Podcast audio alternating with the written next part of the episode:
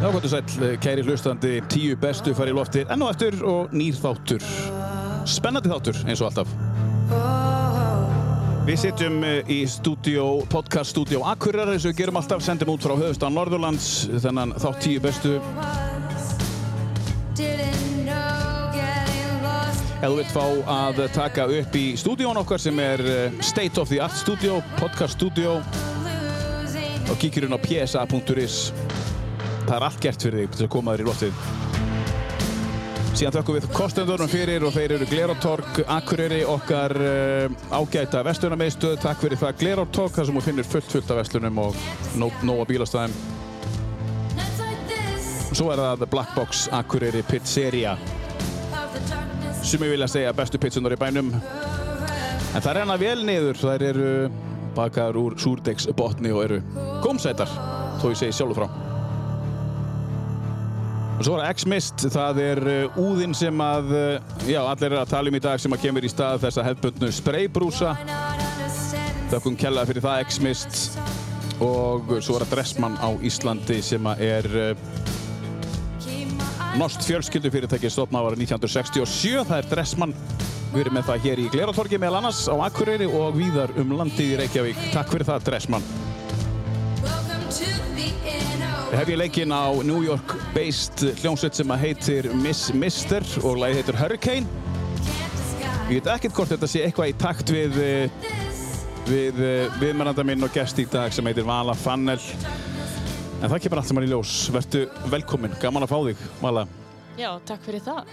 Bara gaman að fá þig. Hvað, hérna, hvernig hefur það í dag? Ég hef það bara virkilega fínt. Er það ekki? Jú. Já, það er aðeinslega gaman. Segð okkur aðeins uh, hver þú ert. Uh, ég er uh, leikstjóri Já. og leiklistakennari. Mm er alin upp að hluta til í Reykjavík en uh, að hluta til hérna á Norðurlandinu. Laugum í Reykjadal. Já, já. Yes.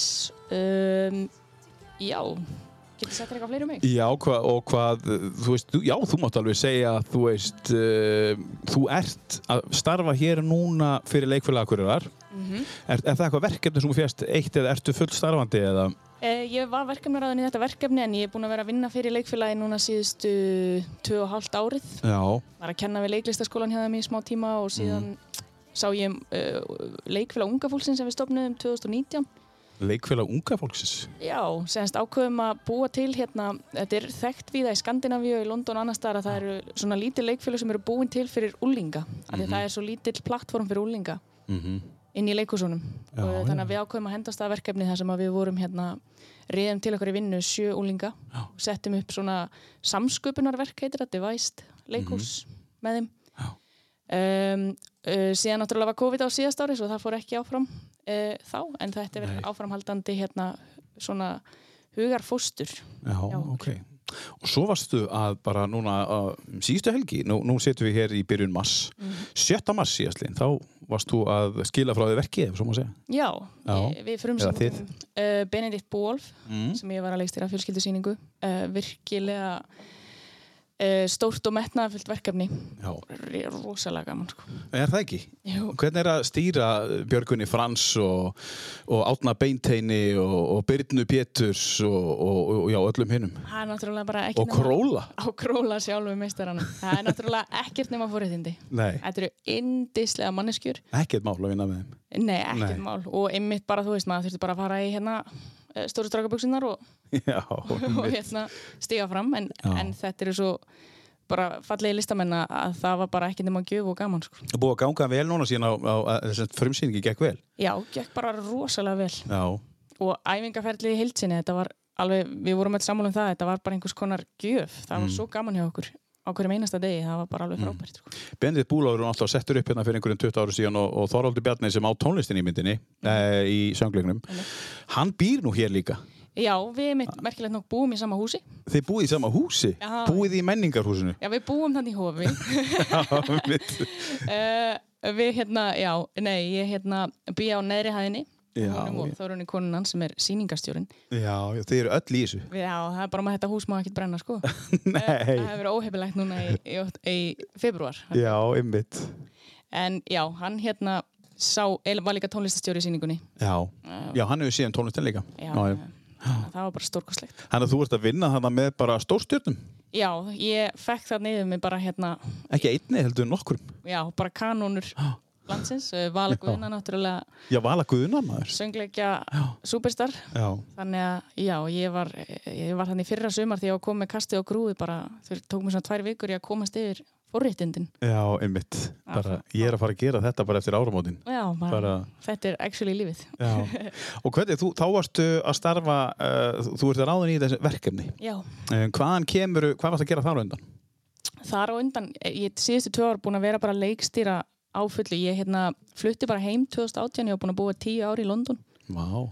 og uh, kom heim 2018 um höstið og byrjaði bara að leikstýra á fullu því að þetta þegar maður kemur heim það veit enginn hver maður er og hvað maður er að gera og maður þarf bara að reyna að vinna sig upp Já. þannig að ég leikstýri hérna bara öllum áhugalegfélögum í kring og mentaskólanum og fleira og Já. sem að var bara eh, sjúklega gaman það er ótrúlega virt og fallegt og, og svona hérna metnaðfullt starf Mhm. Já. þannig að ég var bara búin að vera hérna leikstýri einhverjum svona fjórun til sex sýningum á ári Já. til að komast í þetta og síðan náttúrulega þegar að Benedikt kemur inn við byrjuðum að vinna í honum í lok mæ Já, já. í rauninni 2020 Já, já. þannig að það er búið að vera langt verðli en mjög gefandi já. Uh, tíu ár í London. Já, Og já, þú ert nú ekki eldin en þetta. nei Hvað varstu gömul, þú fluttir út? Ég var 21 Já. þegar ég flutti út uh, held ég, jú, 21 Og fluttir einu eða, eh, hvernig, hvernig, Já, sko, ég hérna, ég fór út í leiklistinám. Sýsti mín að vissu bjó í London og bróðu minn var búin að búa þar, hann var í nám í Oxford og, og ég var búin að ve- fara þarna svolítið út, sko, en þetta var nú ekkit alveg svona eitthvað er hana blind, þetta í sjóin, segir það ekki. mm. Uh, Týndi mitt íslenskunum minn einhvers staðar hana. um, en skil það? þegar, jú, þegar ég flutti út þá bjó sýsti mín þar sem var náttúrulega greiðlega hjálplegt. Já. Þannig að ég svona, já, hafði smá Já. aðhald. Og hvað var sýstin að gera sér? Hún var, uh, Hún var líklega í leiklistanámi og leikstjórnanámi. já, þeir eru báðar í þessu. Við erum báðar í þessu, þetta er fjölskyldu Er það? Og, en hvað lærir þetta langt aftur á bakk? fjölskyldisjúkdómur, Já. ansi langt uh, Segðu okkur frá því. já, pappi minn er hérna lærði leikarann í, í listaháskólanum sem var náttúrulega ekki listaháskóli þá en Hva, hver er pappiðin? hann heitir Arnór Benonísson Já. um, og hérna hann af þessu hætti að leika svona eh, fljótlega eftir ég fættist Já. en hefur alltaf einhvern veginn verið viðlóða við leikhúsinn og fara Mhm. fór síðan að leikstýra setna sjálfur og svona Mm. um, og hans bræður og, og fjölskylda eru líka með þessa bakteri og Hjalti Rúnar frændi minni mitt er í Já, er hann frændið? já, við erum bræðraböld Já, já. já. þannig að þetta er alveg hérna, Sem að leikur í, í bindið. ég leikur í Benedikt Já. uh, síni þar mikla snild Já, já. þannig að þetta er já, þetta er svona fjölskyldu hérna hobby. En hvaðan kemur, ég má spyrja, fannel? Fannel er bara einhver algjör steipa Er Eh, það? Já, Eitthvað sem þú tókst upp þú flústu London? já, sko ég heiti Fanney Vala Já, já. og ég flutti út og þeim fannst eitthvað óhefilegt að kalla mig Fanney þeir geta ekki alveg sagt það, þannig að hljómi sérsamlega, Já, þannig að þeir spurðu bara mig og kallaði Vala og ég sagði já, já, og ég var Vala Arnórsdóttir í mörg ár síðan var ég að setja upp sýningu einhvers staðar og þau voru að vinna í hérna svona marketing og PR málum já. svo er við mig bara þetta Arnósdóttir er alveg úþólandi sko, það bara getur engin stafað þetta og þetta er alveg ræðilegt og getur ekki bara tekið eitthvað annað og ég var á miði tæknirensli og skellti mig bara á Google og ákvað bara, já ég tek bara fyrsta nafni mitt skrifaði surname F-A-N-N skrollaði randomlega í gegnum listan og tók bara það sem ég lenda á Er það ekki að grínast? Æ, Og þú svo, er búin að heita það síðan? já, og það síðan, síðan notaði ég í næstu sýningu og svo næstu og þá byrjaði það að festast í raun, þá var þetta svona hálgert vörumerki Já. þegar náttúrulega á internetinu þá fer allt í gegnum það Já, einmitt. svo einhvern veginn bráttaði mig á því bara allt í nári komin að staða sem ég bara fyrir mig að losa mig við þetta er pínu erfitt Já. að því að þú googla Fanny Vala Arnósdóttir þá kemur upp frjálsjóttasambandi Íslands Já, afreiks. afreikskrá síðan Já. 2002 Hver hefur ekki fundið afreikskrána sína á netinu? Já, resandi. En það er eins gott, þú valdir þá ekki eitthvað annað óheppilegra, eh, ekki óheppilegt nafn. Já, það var mi- mikil hefni Bara, ég vel bara þetta. Já, Það getur verið bara hvað sem er. já hefði getað í mitt En sko, mjög fallegt nafn, þú mútt ekki miskilja, ég bara er að við segja að þú vali bara, að þú randomli valdi bara eitthvað, bara ég vil þetta bara. Herri, en það er til kemd fyrir að segja, en, en um, við viljum kannski að, að, að mér langar til þess að forðin sko gerist í, í, í London, uh, hann var hjá mér hérna Sindri Svan sem hann bjó í, kynntu tónum út í? Já, við erum bara mjög góði vinnir Já, eh, vorum saman í leiklistanámi, vorum fimm ár saman í námi og fylgdum síðan að eftir nám ég, ég samnaði fyrirtæki með hann ég var úti og hann var semst hérna með mér í því, eh, já, já, já, svona minn, einn af mínum helstu hérna samstarfsmönnum já, já, já. Og hvað, ge- hvernig fyrirtæki var það? Eh, Það var bara leikús fyrirtæki.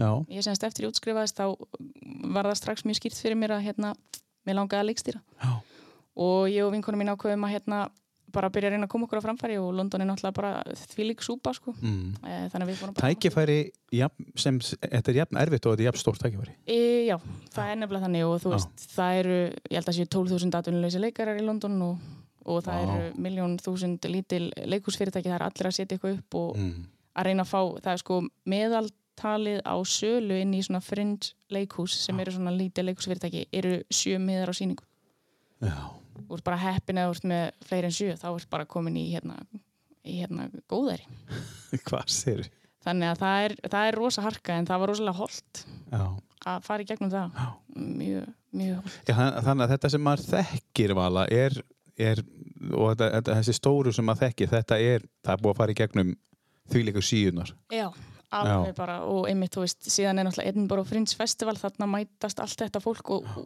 það er yfirleitt þar sem að fólk fær skilur þetta transfer yfir í kannski off-west end uh, Mm. venue uh, og fær þá að sína síningum hvort að það er síðan transfer að lengra, hvernig Mm. það er og þannig að þetta er sko stígin upp mm. er miklu, miklu lengri, eðlilega.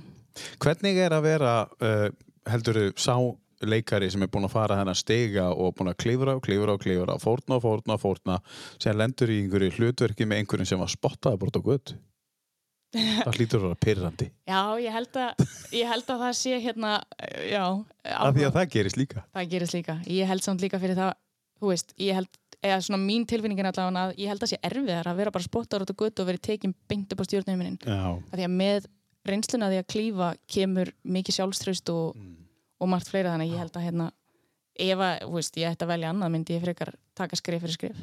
skref fyrir skref Já. með Eyva, Já, með Eyva Kristjáns skref fyrir skref einmitt. Herðu, það er frábært, en hérna, við skulum bara vinda okkur í listaðinn. Eh, Þú fjast hérna að setja upp tíulaga lista, Vala. Já. Uh, Var þetta kræfjandi eða var þetta bara ekki döðsinn? Þetta var pínu krefjandi sko. Já. Ég skal alveg viðkynna það. Ég nefnilega er sko eh, mikil alæta Já. uh, og fyrir svona í gegnum tímabil og ég valdi eiginlega svona lög þau eru öll frá svona einhverjum tímabil það er kannski Já. svona þrjú sem að hafa alltaf fengið að vera inni Mm Skemm, skemmtilegt. en annars er þetta svona sögulegu listi Já, það er bara frábært. En k- k- á hverju ætlu byrja? uh, kannski við byrjum bara á uh, númer 5 Já. Já, þessu hérna. já, gammalt gott Já, það, það, það er nú margir sem þekkja þetta. Hvaðan kemur þetta? þetta bara, ég tek það vist bara því að það tengist því sem við vorum að tala um þetta er lag sem ég hlustaði mjög mikið á því ég var í London Já, já. það var svona bara einhvað að vera í tjúpinu að, að þegar þetta kom inn og svona hljómurinn í röddinni á henni og Já, róaði mann bara svona alveg alla leið niður já. Þú bara rétt um að tvítu þannig að þú byrja kannski að lusta á Já. Carpenters. allir það ekki, svo leiðis Já, og þetta er lag sem við þekkjum öll. Þetta er á listanum hennar völu Fannelar sem að sittur hérna beint á mótum mér, sem að það ekki, Fannelar eða Fannel. þú mátt bara nota það eins og þú vilt Já, Close to You með Carpenters, heyrim smá brott. close to you.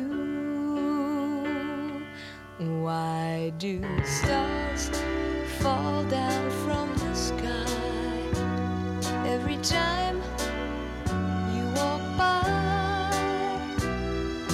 Just like me, they long to be close to you. On the day that you were born, the angels got together and decided to create a dream come true. So they sprinkled moon dust in your hair and golden starlight in your eyes of blue. That is why all the girls in town follow, you, all around, just like me. Frábært lag með Carpenters og það er, það er bara staðfest. Close to You, það er fallegt. já, þetta er, uh, já, ángurvært Hlustaður stundum á þetta í London þegar að heimþráin var sem mest. já, Þetta er svona heimþráalag. þetta er svolítið heimþráður og bara þegar að svona stressi var einhvern veginn að taka mann Já, en segð okkur aðeins eh, Vala frá því þegar þú ákvast og hvaða var, ger, hvaða var sem að uh, gerða verkum og þú ákvast að flytja til London 21 árs.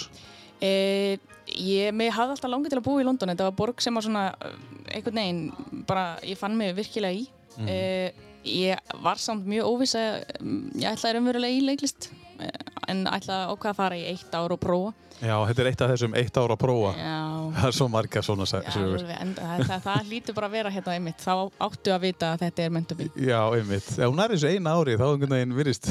Já. En, En- þannig að það var ekkit flóknar en það sko. Og hérna, hvernig, var, hvernig tók London við þér? Ég veit, þú varst þarna með sýstiðin úti og bróðin voru í Oxford, en, en, en svona fyrir utan það. E, þetta var rosa þróskastök að Já. koma að nút. Þetta er náttúrulega bara svo allt, allt, allt öðruvísi umhverfi og, og ég náttúrulega hafði verið í framhaldsgrunum á laugum, flutt í bæinn í eitt, eitt, eitt vetur. Já, þú ert að um reykja ekki það. Já, og hérna, þannig ég var svona pínu sveitabann í mér einhvern veginn. Já, Eh, Þannig að það var rosalega holdt einhvern veginn að þurfa að takast á við sjálfansi í svona stórborg. Já. Bara kemst að nýjum hliðum og, og þarf einhvern veginn að takast á við þær og annað það var, ég myndi segja svona fyrstu tvö árin voru rosalegt þroskastökk. já.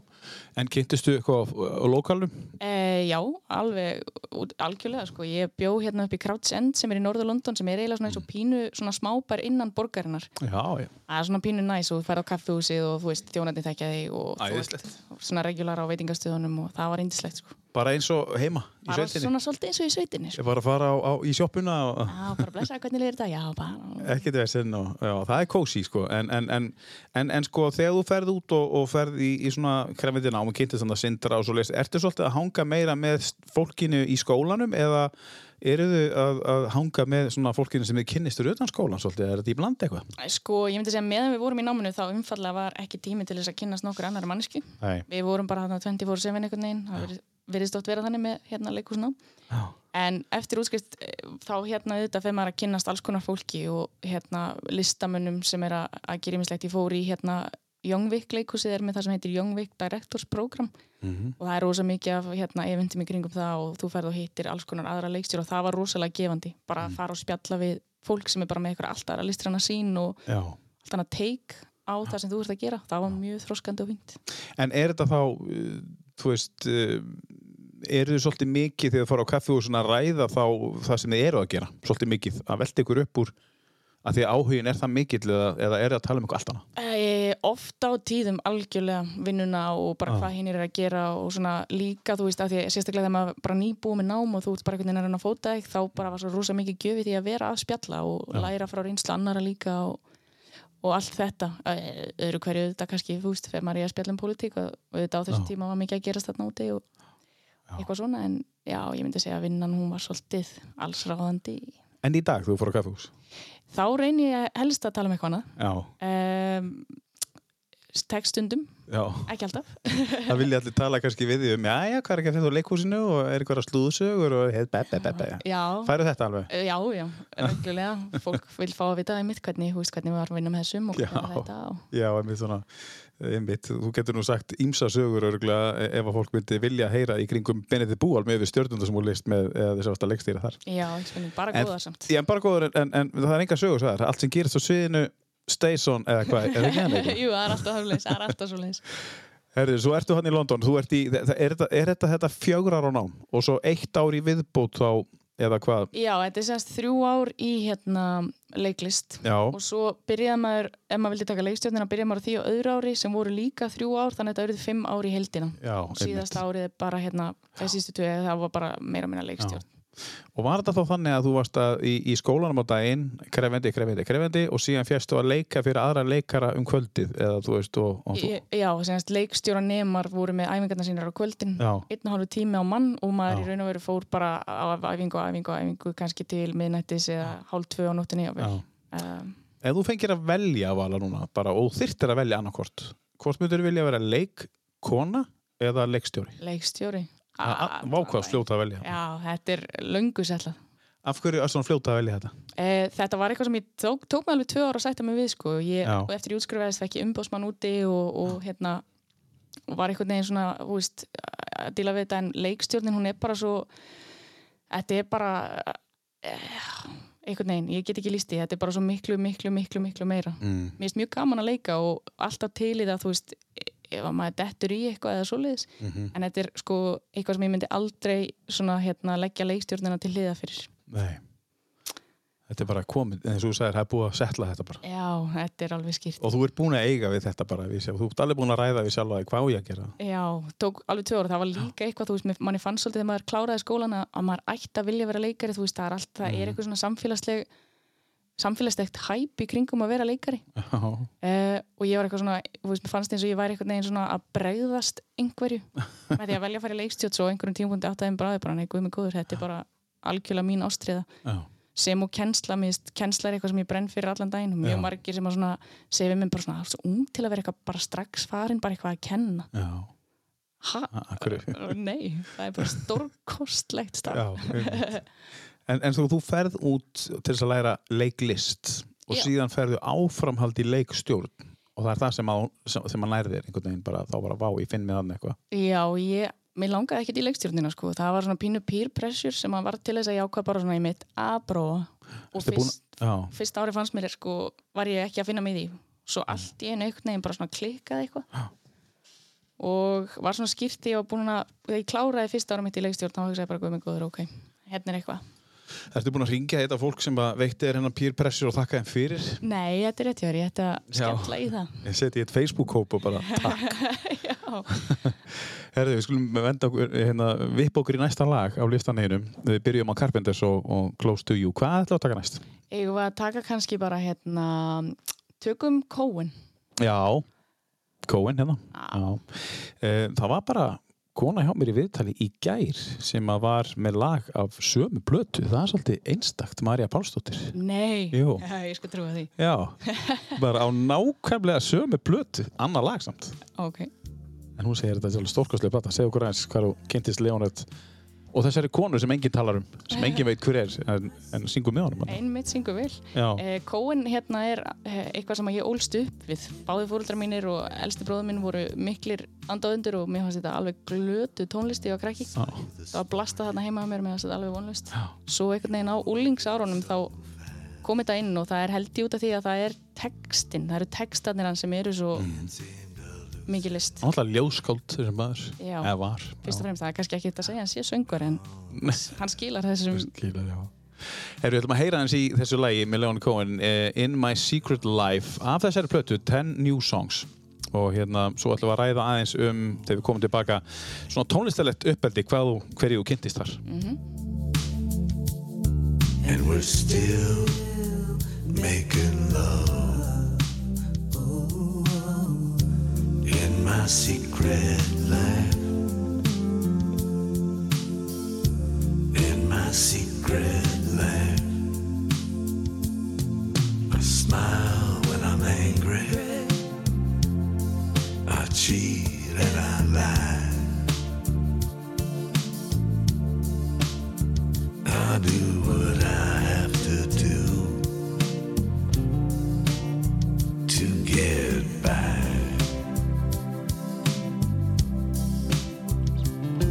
But I know what is wrong, and I know what is right.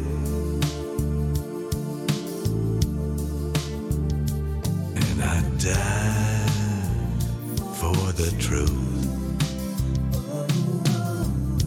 in my secret life. Þetta er Leonard Cohen af uh, listamennar Völu sem sittur hér hjá mér og við ætlum að spurja hana næst um, uh, hún talaði um að hún heyrði þetta heima hjá sig hún var lítill stelpa. Hvað var annað á, á hvað á maður að segja, plötuspilaranum eða geislaspilaranum henni í gamla daga? Það Hvað er það langt var- Tja, já, hann 94, 5. Já, Það hérna... smá CD og vínill. Já, líkjulega. Það var mjög blanda, sko. Það var mikið af klassískri tónlist. Já.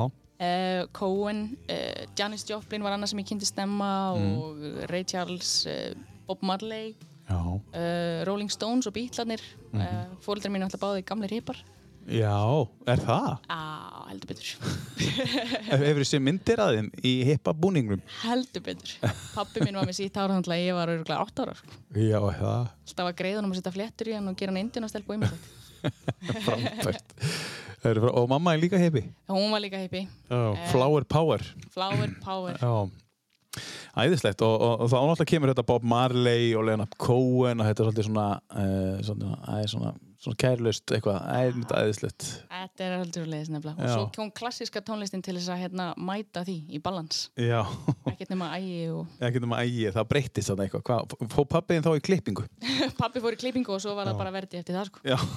en hvað var að meira? Í Gegnum, að, hvað áttu mörg sískinni? Ég á átta sískinni. Þú ert átta sískinni þegar í nýju. Við erum nýju en við erum reyndar sko, ég á, babbi minn á semst áttabönd og mamma minn þrjú og Já. þannig að ég á, þetta er allt í kross og Já, já. svona flóki fjörskildi minnstur. En þegar þið voruð að- öll á heimilinu, var- ert þú yngst eða ertu elst eða ertu í miðinni eða? Nei, ég er svona fyrir miðju en við erum sko, elsti bróðum minn er uh, að verða 40 og 6 og yngsti bróðum minn er 14 ára.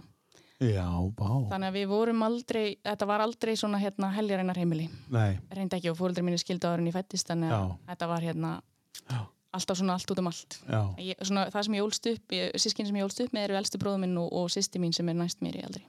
Varstu þá að hlustaði gegnum elsta bróðin og Nirvana og allt þetta, eh, Já. þú veist, og, og Pearl Jam og svona, nú er ég Já. bara Já, hann var algjörlega þar, Já. kynnti mig líka fyrir Fugees og Fugees, já. Já, hann, hann sá, já, það var rétt, hann sá svolítið um tónlistur uppeldi svona hann Er það ekki? fyrstu æfa árin. Og ertu ennþá að hlusta á eitthvað sem að hann, Algjörlega, já, ekki spurning. hvenar hlustar á tónlist? Ég hlusta á tónlist, það er nefnilega svolítið fyndi, ég fór að hugsa um þetta nefnilega, kærasta mín hlustar rosalega mikið á tónlist og ég fatta eiginlega í gegnum hana að ég hef farið að gera þetta miklu, miklu minna og ég held einhvern veginn þegar maður er sérstaklega að vinna mikið að söngleikjum og svona, Einhvern veginn þegar maður kemur heim það er bara svona, e, þú veist, þú kveikir ekki einhvern veginn á tónlist. Nei. En ég hlusta mjög ofta tónlist, sérstaklega á mótnana. Mér finnst mjög fínt að bara svona byrja daginn og að- að svona finna einhver gott lag og keira það á stað og síðan auðvitað í bílnum. Já, í bílum. Já. Já, en um helgar.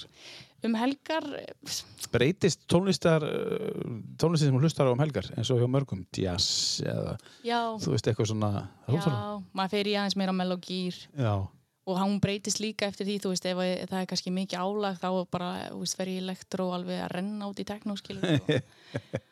þá ertu á leiðin á djammið eða eitthvað. Já, maður er bara svona, þú veist, maður vaknar kannski og maður maður bara eins og það hafi verið kyrt á mann. Já, þá Hann keirir. var aðeins að keira sig í gang Já.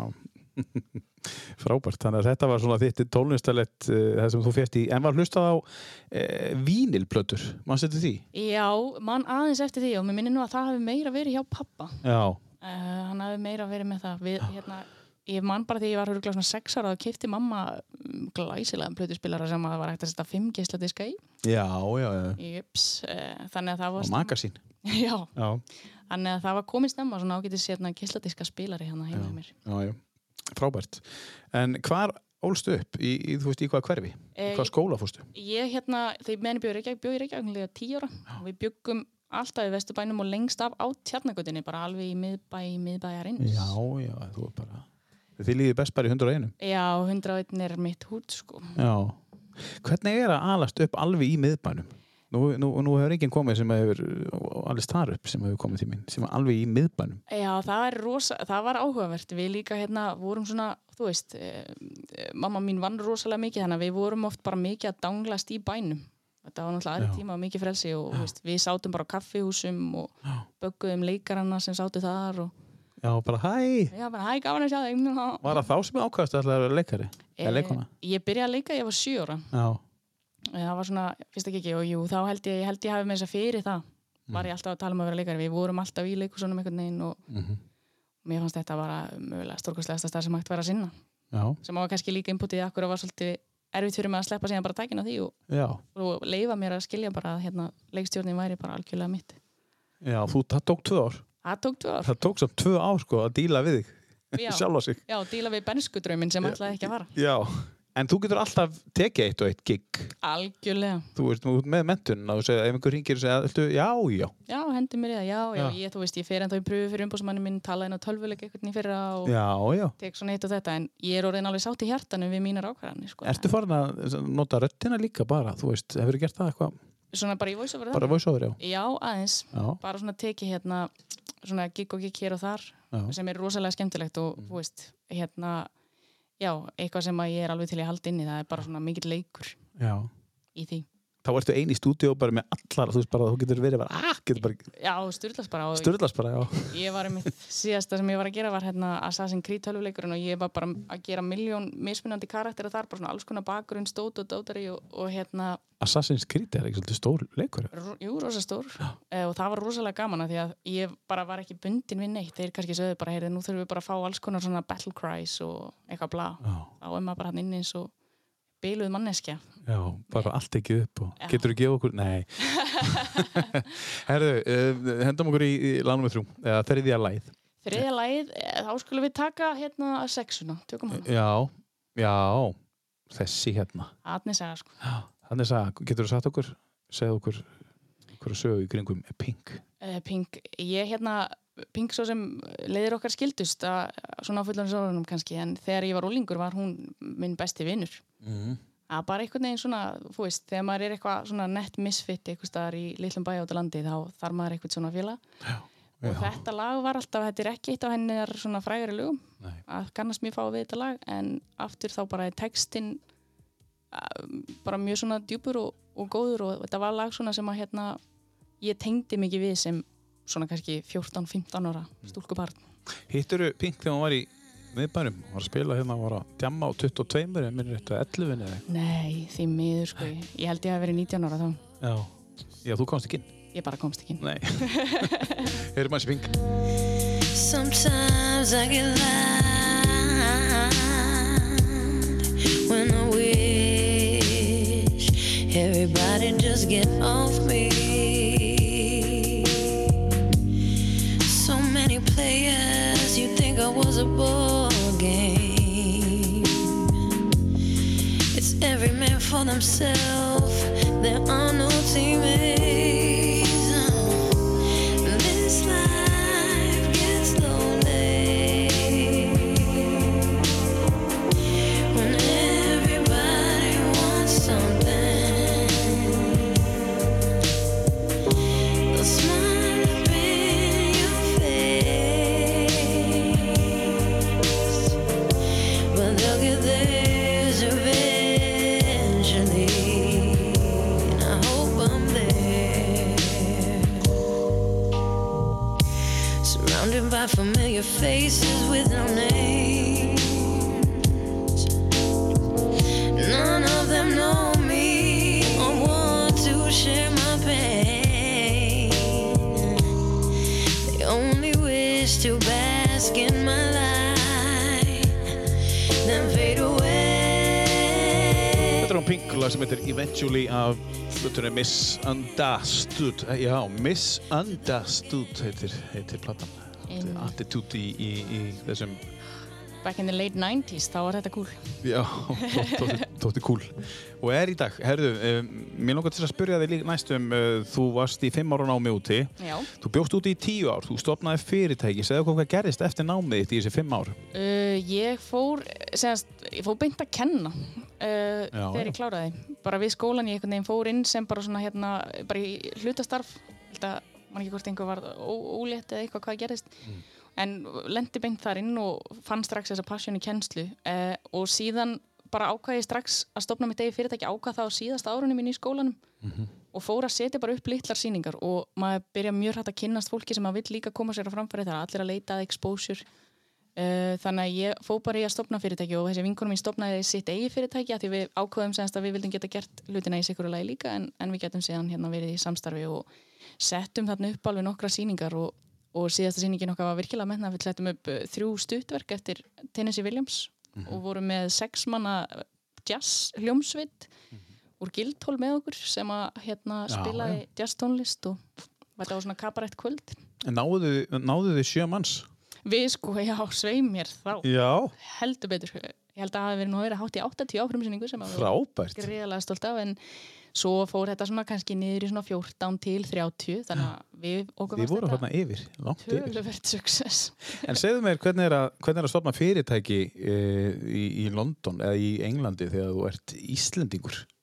það var, ég var alveg merkilega heppin félagi minn var með hérna lögfræðing uh, sem að var semst eh, bara lögfræðingur fyrir þetta, bara fyrir fyrirtæki Já. Eh, uh, og hafði séð um nokkur leikusfyrirtæki áður og innan hans veggja voru hérna endurskoðendur og annað þannig að ég í raun og veru keifti bara þjónustuna og þurfti Vá, þetta er ekki eins og til hérna á Íslandi held ég. Nei, þetta var ótrúlega þægilegt, þú veist, Já. ég fóð bara inn og sagði þeim hvað mér langaði að gera þetta þarf maður að koma inn með smá businessplan og Já. bara hvernig maður ætlar að hérna, gera hlutina leikusfyrirtækin alltaf mjög fyndin með það að þau eru bara reikin í mínuspunktur. Já, Æ. það er bara hannig. Það er bara þannig, uh, þetta er ekki, þú verður ekki miljónumæringur á því að ég er leikusfyrirtæki, það er bara alveg þess. Að því að leiksningar eru dýrar Já. um, og svo þarftu samt að selja miðan og ódýr til þess að einhver komi.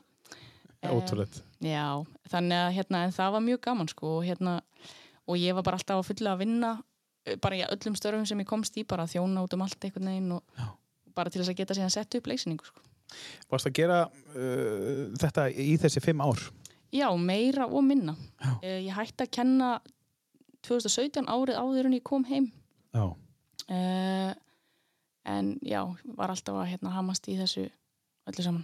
Voru margir Íslendingar að, með ykkur sindraðan úti í sama skóla? Já, við vorum nefnilega alveg nokkur að nýjum skóla örugglega á árinu fyrir ofan okkur voru þið sko fjögur, við vorum þrjú í okkar bekk Já. svolítið að verið þrjár í viðbútt eftir mér Já. svona á nokkrum árum þannig yfir og svo svona dalaðið út Já. Eh, Uh, Er, er ef random bara að þið hittið á réttan, eh, þann sama skóla eða er bara svo mikið um Íslendingar sem er að sækjast eftir skólum að núti og eru að fara út í skóla eða er bara random að þessi skóli hafi verið með svona mikið af Íslendingum? Neða, það er náttúrulega eiginlega bara, þú veist, bara þetta svona típiska íslenska. Þau komu sko, semst, árið sem að sýstum ég var voru þau fjögur og þá kom skólinn til Íslands held ég og var með pröfur hérna.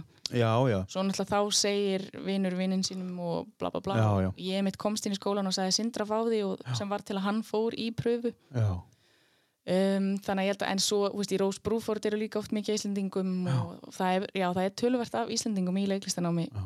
út í London og maður finnur það bara á þorrablótum Íslendingafélagsins að, þú veist, það er hellingur af listafólki. Mhm. Og allir atvinnuleysir. Allir atvinni.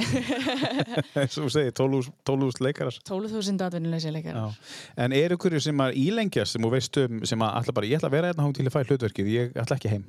Þekkir einhverja? Já, það er, það er alltaf eitthvað sko. Já, Uh, algjörlega og hérna uh, og ekki bara leikarar heldur það er svona bara fólk í svið störfum Já. það er eins og ljósa minni Benedikt Bólvi hérna Friðþjóður Þorstinsson, hann býr ennþá út í London já. og er þar að kenna bara við alla helstu skólana ljósa og lýsa sýningar á West End og annað, þannig að Það er það eitthvað að gera hjá honum, nóg að gera. hann Hann er er með, nóg að gera og það er miklu meira af Íslandingum að vinna úti heldur en að maður gerir sér grein Mm. fyrir sko. Mhm. það er frábært. Og, uh, en hópið ykkur saman í settingandi bara, heyrðu, nú ætlum við að fara út í kvöld eða, eða... e, Hvernig er þetta? merkilega lítið sko Já, það er gott. já, við svona, þú veist, jú, ég mun alltaf, alltaf við er eitthvað svona, það er eitthvað alltaf pínu samhangandi en, en samt svona verandi íslendingar alveg merkilega lítið Náður góðum tökum á, á, á, á sko, enskunni. e, já, m- mjög og Já. ég alveg svona grínlaust týndi íslenskunum minni Já, og hún er nokkurn veginn komin tilbaka ég ger ennþá svona áhugaverð mistök en því- áhuga verið mistök. Já, uh, en ég var, sko, ég er eiginlega ekki alvorin skrifandi almennilega á íslensku eftir. Í alvöru? Það var mjög sorglegt og alveg ótrúlega skrítið að finna það. Bara eh, því ég var mjög vel skrifandi í framhaldsskóla og svo var ég með að byrja í mastersnámi núna og að vera að skila svona fræðilegum rittgerðum og ég bara eh, orðaröðin og margt fleiri einhvern veginn Já, komum bara já. í eitthvað vitlis. Þú ert búin að vera að skrifa svo mikið á ensku. Já, og maður byrja náttúrulega bara að hugsa á einsku og maður dreymir á einsku og En þú ert búin að búa sko eitt þriðja æfiðinar uh, þegar þú kemur heim mm uh, þar já. í London. Um, þegar þú skrifar handrið, skrifar á ensku eða íslensku? Sko, ég skrifaði handritað söngleik og skrifaði það á íslensku en ég þurfti bara að fá aðstof við að laga Já. uh, tungumálið. Einfallega vegna þess að ég hérna, bara gerði mér 100% grein fyrir því að ég get ekki. Því ég er að leikstýra þá var mjög skrítið fyrir maður að byrja að leikstýra á íslensku Mm. að því ég, hafði ald- ég lærði að leikstýra á ensku, hafði alltaf leikstýrt á ensku og að byrja síðan að þurfa að tjá mig Já. á íslensku var óþægilegt en það hefur svona nokkurn veginn komið tilbaka. Það er En- magna. Nótutna mínar eru ímist á ensku eða íslensku eða í bland. Þessi söngleikur, Já. hvað hva, hva, hva var um hann? Heyrðu, hann er í bígerð. Ég hérna, skrifaði hann á samt uh, Jan Alaveri, tónskáldi. Mm Uh, skrifaði um hann uh, 2020 meir og minna. Uh, Jan hins vegar lést í september. Já, eh, ok. Óvænt, sem að var eh, bara uh, hrikalegu missir. Já. En Ungur, eða? já, bara 51 árs. að- það sér. Já, ræðilegt mál. Um, en uh, söngleikur, hann var meir og minna búið með tónlistina þannig að það er Mm ekkert eftir nema bara að klára hérna síðasta draftið og, og, og keira hann á stað, sko. Og þá ítir náttúrulega undir að klára. það ítti gríðalundir að klára Já, og já. algjörlega mitt eh, ein mín heitasta ósk að- að koma þessum söngleik geysi langt og, og ég er Og hvað er allar að sína hann? það bara f- best buyer sko Já, það er svolítið. já, það er bara svoleiðis Hvað nær maður í þig? Bara, uh, ringdi þig bara og, og þið bara bóðið? já, heldur nei maður sendir hann náttúrulega bara á alla þá helstu aðalega sem að hérna Þetta er íslenskt, eða? já, þetta er íslenskt verk sem Já. að ég skrifaði fyrir úlinga Já, já, þetta er spennandi. ekki beint barnaleiksynning heldur svona ætlu fyrir kannski alveg svona 14 ára og upp sko Má, ertu komið nafn á hann? hann heitir, það er kannski ennþá vinnutillin hann heitir Auga Dregans Já, já. þetta er svona semi-fantasy að pínu sci-fi Já, spennandi. já, Já, það henda nú akkurat þessum, þessum uh, úlíkum. Aldurshóp, já. Aldurshóp, já. Herðu, vippum okkur í landmúður fjögur, eða fjóralæð. já uh, bara hvað sem er Hvað sem er bara, ef við að taka hérna Billy Joel-lægið hérna og endilega segja okkur hver þetta er hérna. Ben Platt er, eh, s- er söngleika söngvari Já, hann var hérna einmitt í uh, uh, hvað heitir það aftur uh, söngleiknum Evan Hansen já, já. og var mjög frægur í því á Broadway uh, hann var síðan í þáttunum hérna The Politician og þetta lag er úr þeim þáttum Já, já. aftur er það textin í laginu sem að hérna uh, nær mest til mín sko. Já, já. Snillingur Billy Joel, uh, hér er það lag eftir hann sem heitir Vienna og þetta er í flutningi Ben nokkuð platt, er þetta ekki platt eða? Og Ben Platt Það er platt. Music from the Netflix original series The Politician. Slow down, you crazy child. You're so ambitious for a juvenile. But then, if you're so smart, then tell me why are you still so afraid? Mhm. Where's the fire? What's the hurry about? You better cool it off before you burn it out. You got so much to do and only so many hours in a day. Hey. But you know that when the truth is told, that you can get what you want, or you can just get old. You're gonna kick off before you even get halfway through. Ooh, when will you realize Vienna waits for you? Slow down, you're doing fine. You can't be everything you wanna be before your Hann er ekkert ósvipaður uh, Billy Joel, þetta er svona ljós, svona flottur Já, söngari þessi. hann er með mjög skemmtilega rödd og Já. hann er, tæknin hans er eh, æðisleg.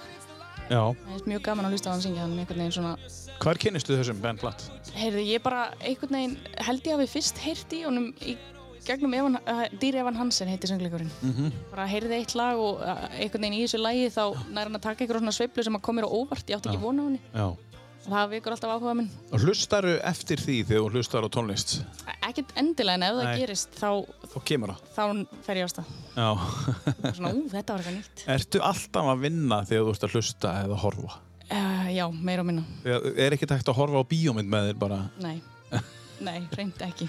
að bara sástu þetta, sérstu þetta Já. og ég hefði nú, og ef að leikurinn er skelvulegur þá, bara, þá gefst ég bara upp eða það er bara eiginlega stundina fyrir Er það? þeim sem horfið með mér já, þú getur spurt konuna mín og hún, já, er hún verður hún þá bara alveg brjáluð? já, hún nennur sér ekki ef að ég byrja bara að þetta er ekki góðu leikari þá er hún bara eitthvað að horfa á eitthvað annað Já, já svona er þetta bara, ég meina þú, þú, þú horfir á þetta með, með, hérna, með þessum augum, þú veist Já. bara að þú krefst einhvers meira heldur en kannski hún já, og kannski Svona- tek, maður tekur bara eftir Já. einhverjum dítilum sem að sem að skipta engu máli náttúrulega. nei, mögulega ekki, þetta er algjörlega ótalandi ég saknaði þess alveg að setjast bara niður og slefa sko. Já, en getur þú sest niður og slefað yfir einhverju? já, ég get alveg, ef það er bara þú veist, ef ég veit bara að þetta er bara eitthvað síra þú veist, ég meina eins og bara Modern Family eða, þú veist, Já, bara svona eins og maður kallar heilalust bara. algjörlega heilalust á meðan það er ekki stúpid skilur Já. meðan það er bara sæmilega að skrifa þá er ég bara eitthvað, já, fæn, Já. let's, let's do it Já, frábært.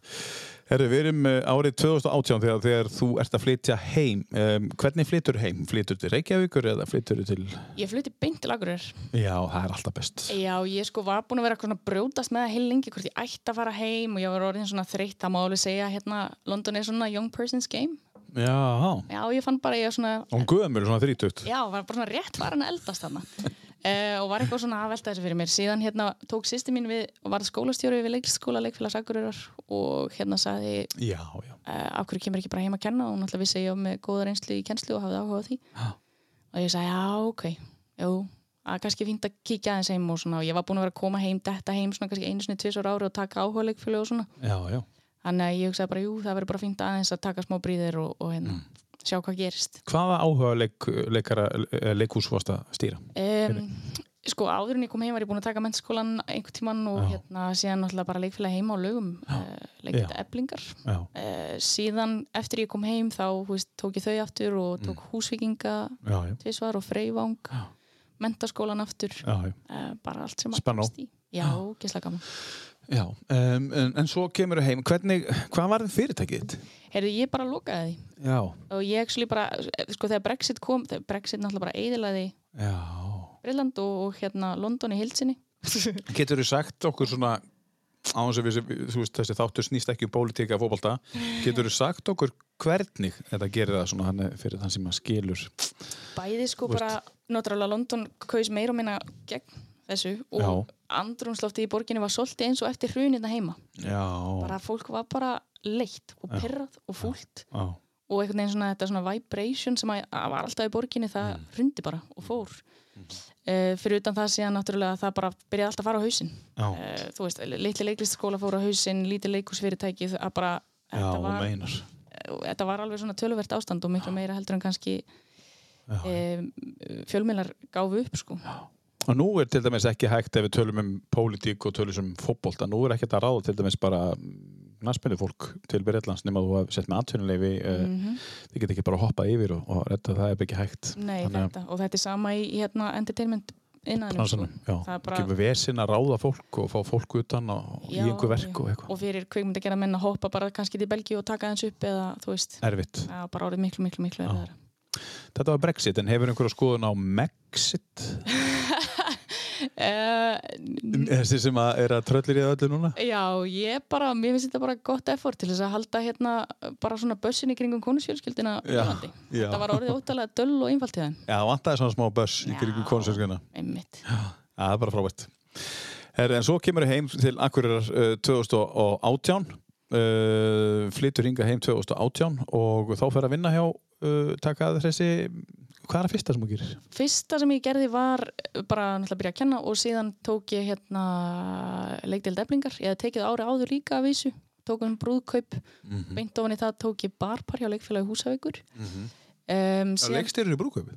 já, Já, já, hann, ok, hann, ég vissi það ekki. inn á lögum síðan bara beint eftir bar bara einhvern veginn byrjaði ég að vinna í þessu úlingaleikhúsi, leikfélag unga fólksins Já, tók það sumari 2019, fór beint yfir í Freyvang, gerði blundur og blásýra byrjaði á litlu rillisbúðin á Húsavík beint á eftir því og var aðstofaleikstýra voru vaknar hjá Já. leikfélag Akureyri á sama tíma tók sér inn í skógin hjá mennskólanum á Akureyri ofan í það eh, og svo kom COVID já.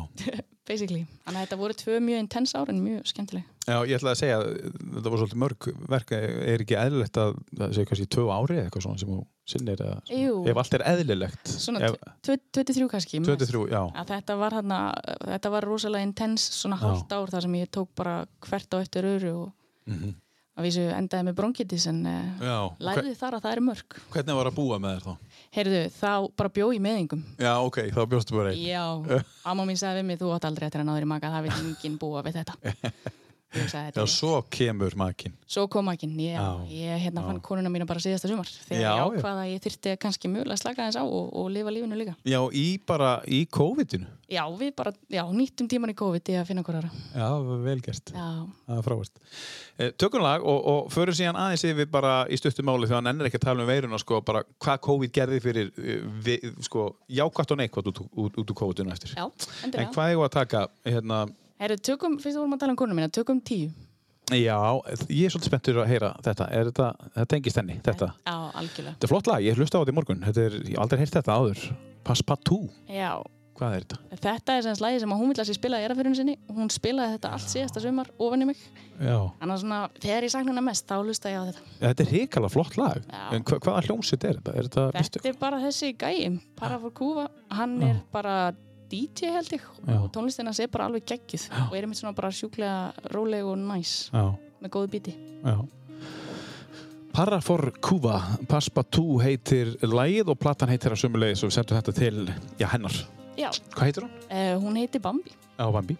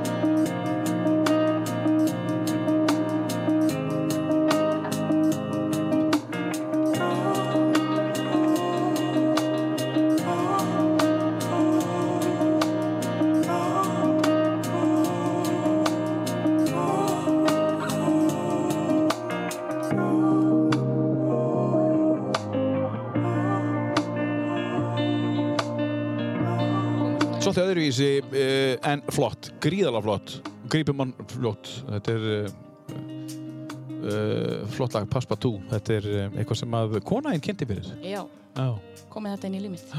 og bara í fyrra Bara í fyrra sumar. já.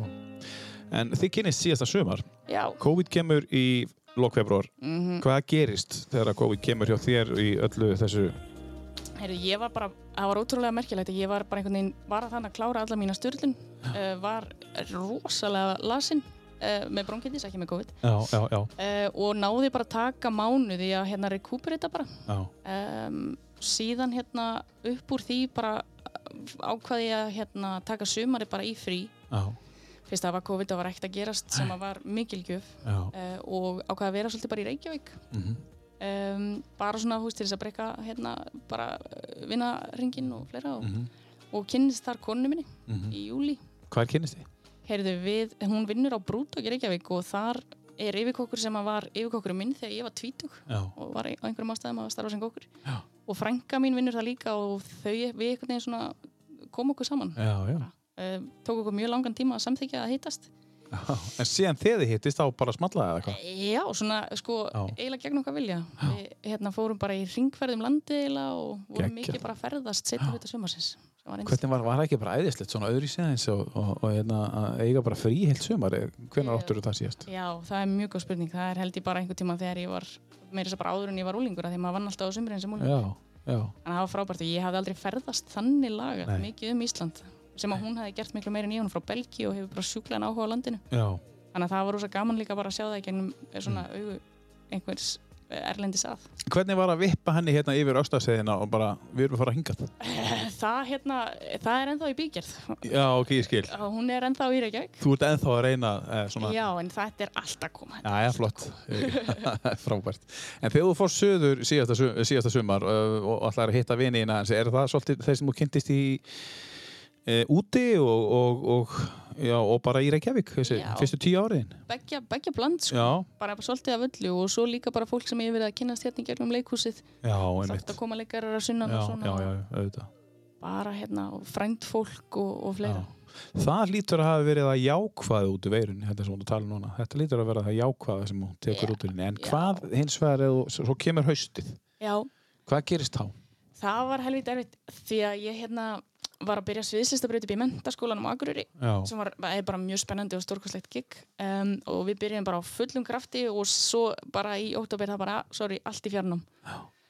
og að kenna leiklist í fjarnám er um, Er það hægt eða? Já, já, en það er Já og já, Þið áttu að sjá svipin á henni núna, þetta var Já, já, það var rosalega áskorun og, og hérna og bara mjög erfitt einhvern veginn mitt að, að bara festast heima hjá sér fyrir framann tölvuna í, í tvo mánuði og eins náttúrulega vorum við á fulli í undirbúningstíma fyrir Benedikt og ég og leikmynda og búningu hennur vorum að, að vinna mikið saman og, en það einhvern veginn svona, þú veist, varð svo erfitt að því að það var alltaf svona kannski að mögulega byrja að æfa þarna og kannski getum við frumsýnt þarna og það breyti svolítið svona drifinu hjá manni já.